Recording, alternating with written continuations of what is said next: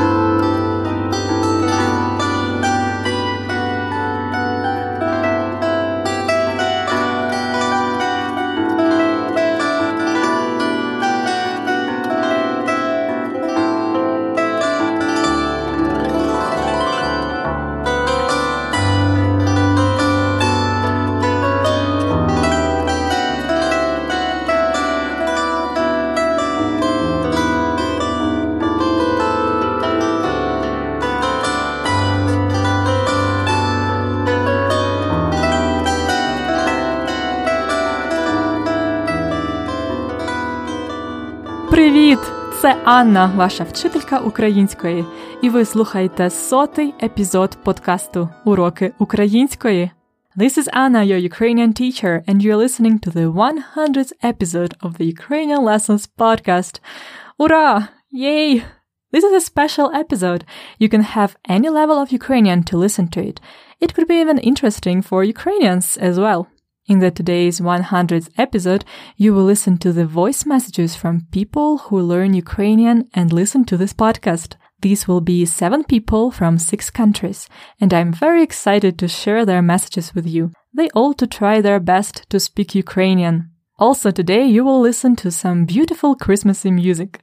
These will be the well-known songs and Ukrainian carols played by a talented Ukrainian man Yaroslav Jus. He plays bandura, a traditional Ukrainian instrument, the one with about 50 to 60 strings.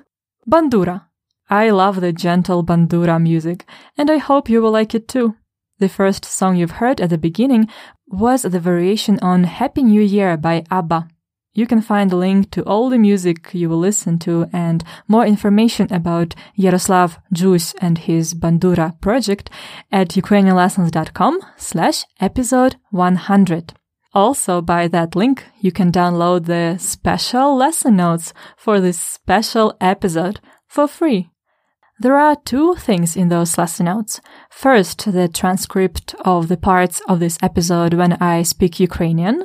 There is English translation too. So it could be useful if your Ukrainian is still basic. This way you can follow the text in the notes while I speak. Secondly, in the lesson notes, there is a special exercise for you. I will talk about it later. So if you haven't yet, go to ukrainianlessons.com slash episode 100, 100 to download those lesson notes for free. And now it's time to begin the festive episode number 100. Епізод 100. Ви готові?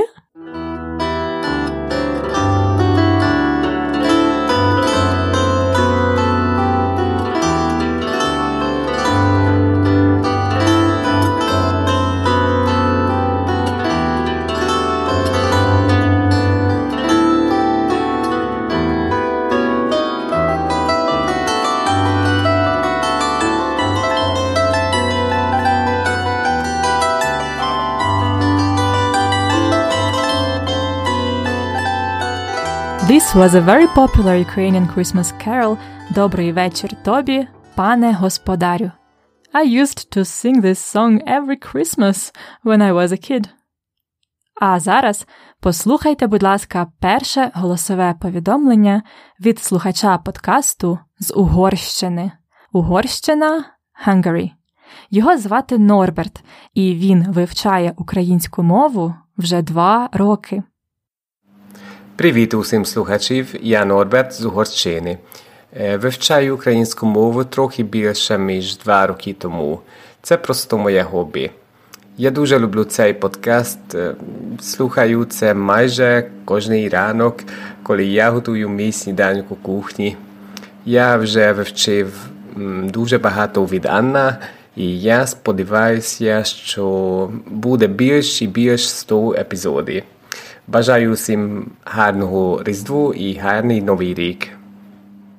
Ого, Норберте, ваша українська мова на високому рівні. У вас майже немає акценту. Я теж сподіваюся, що епізодів подкасту буде ще багато-багато. До речі, у своєму листі Норберт розповів мені, як він вивчає українську мову. Він починав з дуолінго, а тоді слухав багато музики: це Христина Соловій, Океан Ельзи.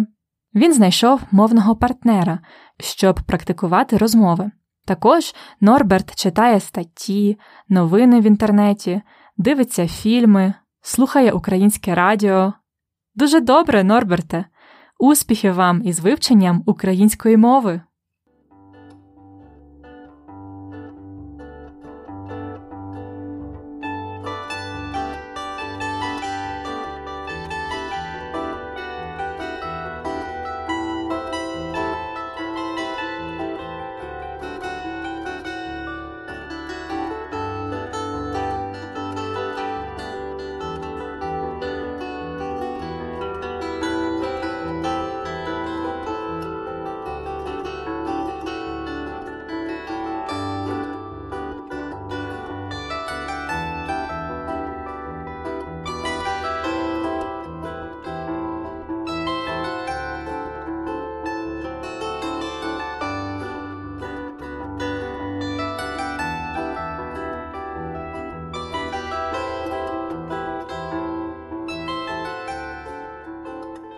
This was a Ukrainian bandura version of the popular song Last Christmas.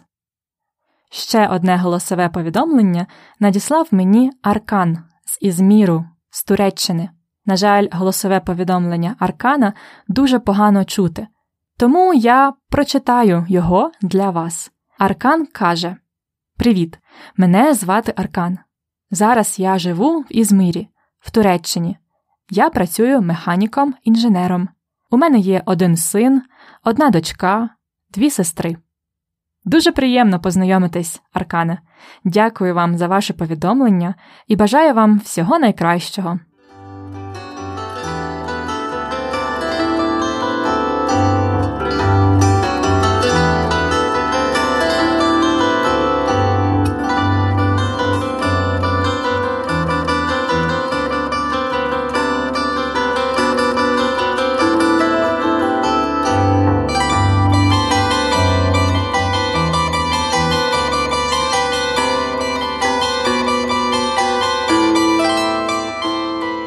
This was a melody of another Ukrainian carol called Небо і земля The Sky and the Earth.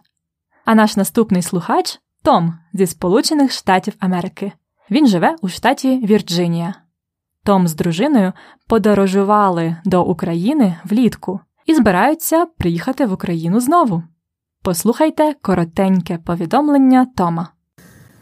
Мені звати Том. Я з Америка.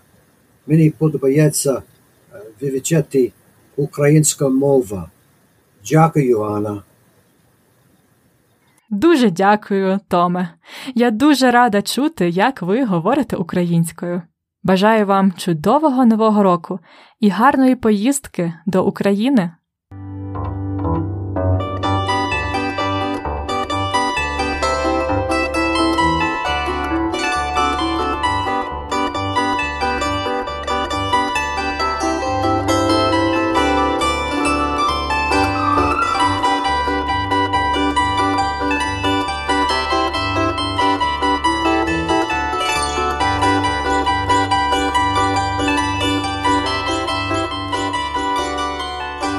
As you might have guessed, this was Jingle Bells in the interpretation of Ярослав Джусь.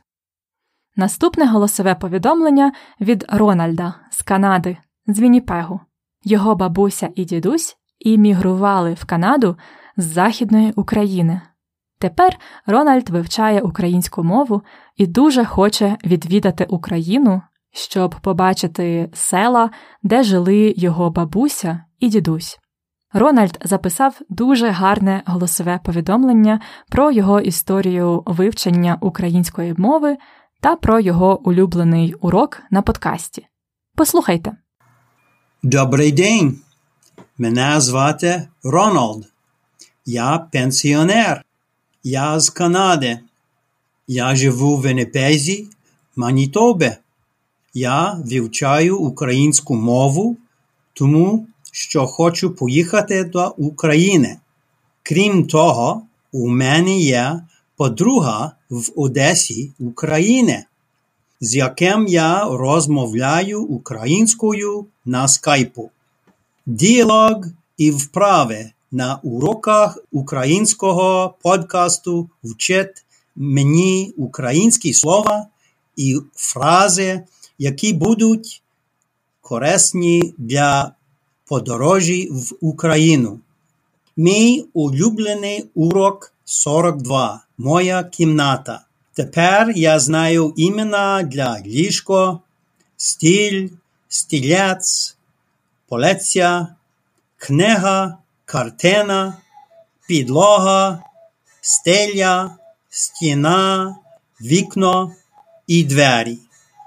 Бажаю всім вам веселого Різдва і щасливого Нового року. До побачення! Дуже рада вас чути, Рональде, а також вашу пташечку годинник. Дякую вам і бажаю вам теж веселого Різдва і щасливого Нового року!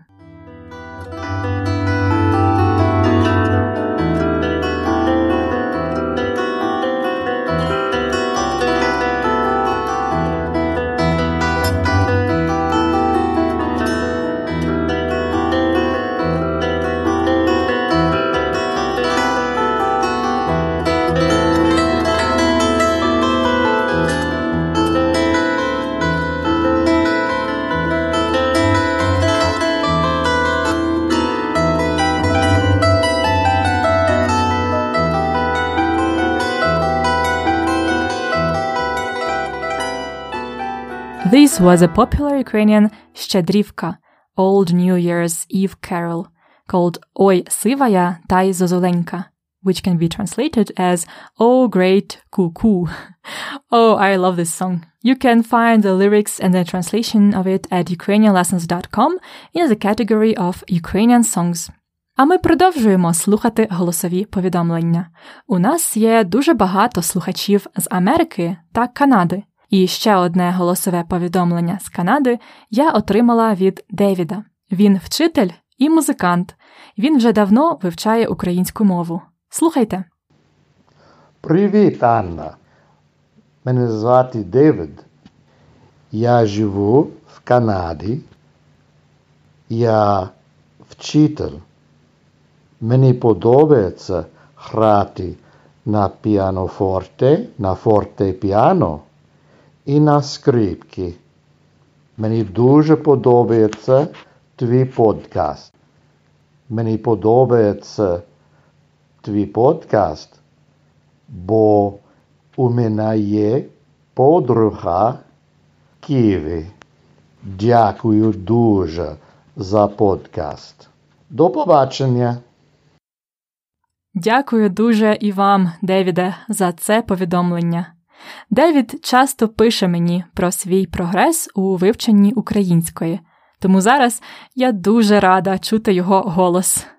Девід вже був у Києві і навіть ходив у кафе Living Room, про яке я розповідала на подкасті. Щиро дякую вам, Девіде, за всі ваші листи і за ваш подарунок нам на Різдво. Щасливого Нового року!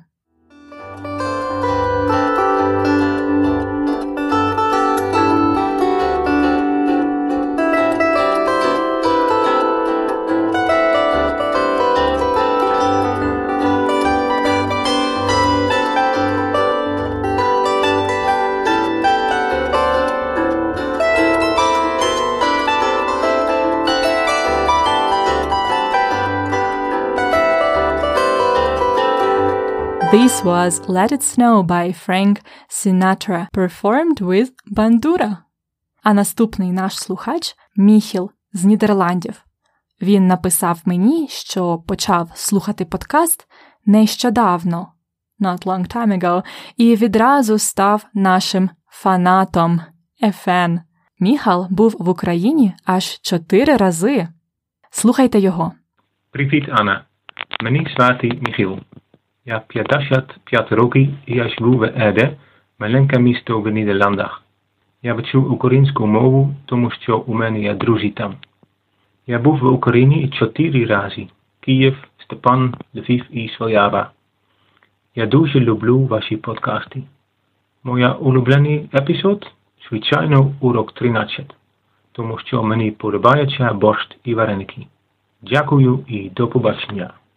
Хм, я теж люблю борщ і вареники, Міхале. Зараз я подорожую в Південній Америці, і я дуже скучила за борщем і варениками. Дякую вам, Міхале, за це повідомлення. Ви дуже добре говорите українською. У вас чудова вимова. Сподіваюсь, ви будете подорожувати в Україні ще багато-багато разів. Ласкаво просимо!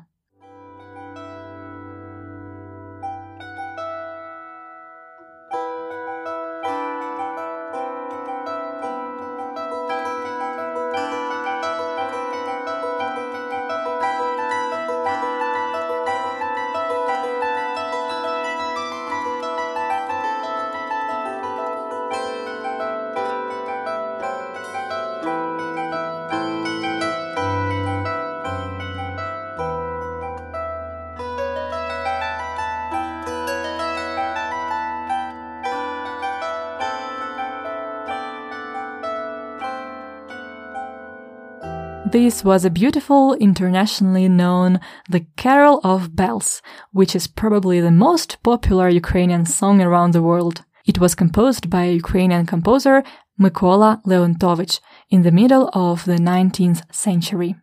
А зараз останнє голосове повідомлення буде говорити Елена, вчителька з Італії. Вона має подругу з України, яка живе в Коломиї. Так, так, в Коломиї, в Івано-Франківській області. Ми говорили про Коломию в епізодах 98 і 99. Привіт! Мене звати Еліна. Я італійська вчителька. Я живу біля Туріна. Ukrainian Lessons Podcast класно. Дякую, Анна Огонко. Хочу вивчати українську мову і розмовляти нею, спілкуватися з українцями. Мені подобається урок 23. З Новим роком і з Різдвом Христове. Дякую, Елено, за ваше повідомлення і привітання. Дуже приємно чути від іншої вчительки. Я думаю, ви вже можете досить добре спілкуватися українською. Сподіваюсь, Елено, наступні епізоди подкасту допоможуть вам покращуватись.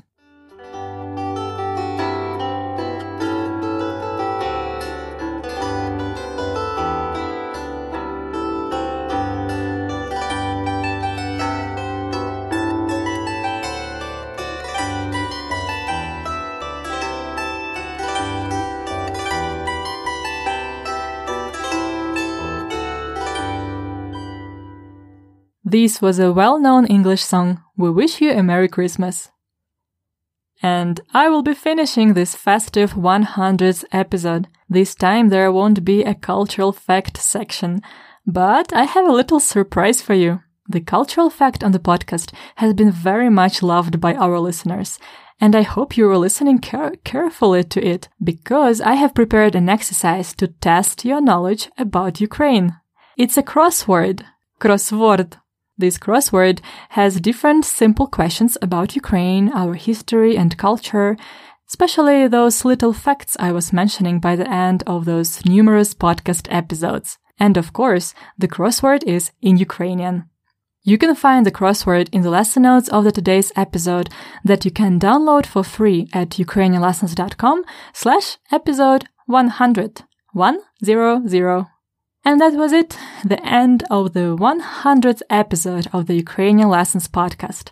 Our team is taking a break for the holidays, and we will be back with more episodes for the intermediate Ukrainian learners by the end of January.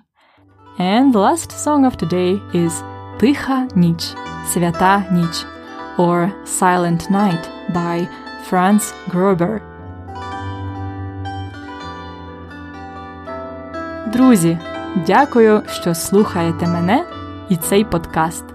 Бажаю вам всього най-най-найкращого у новому році, тому що ви найкращі. З Різдвом Христовим, з Новим роком. До побачення!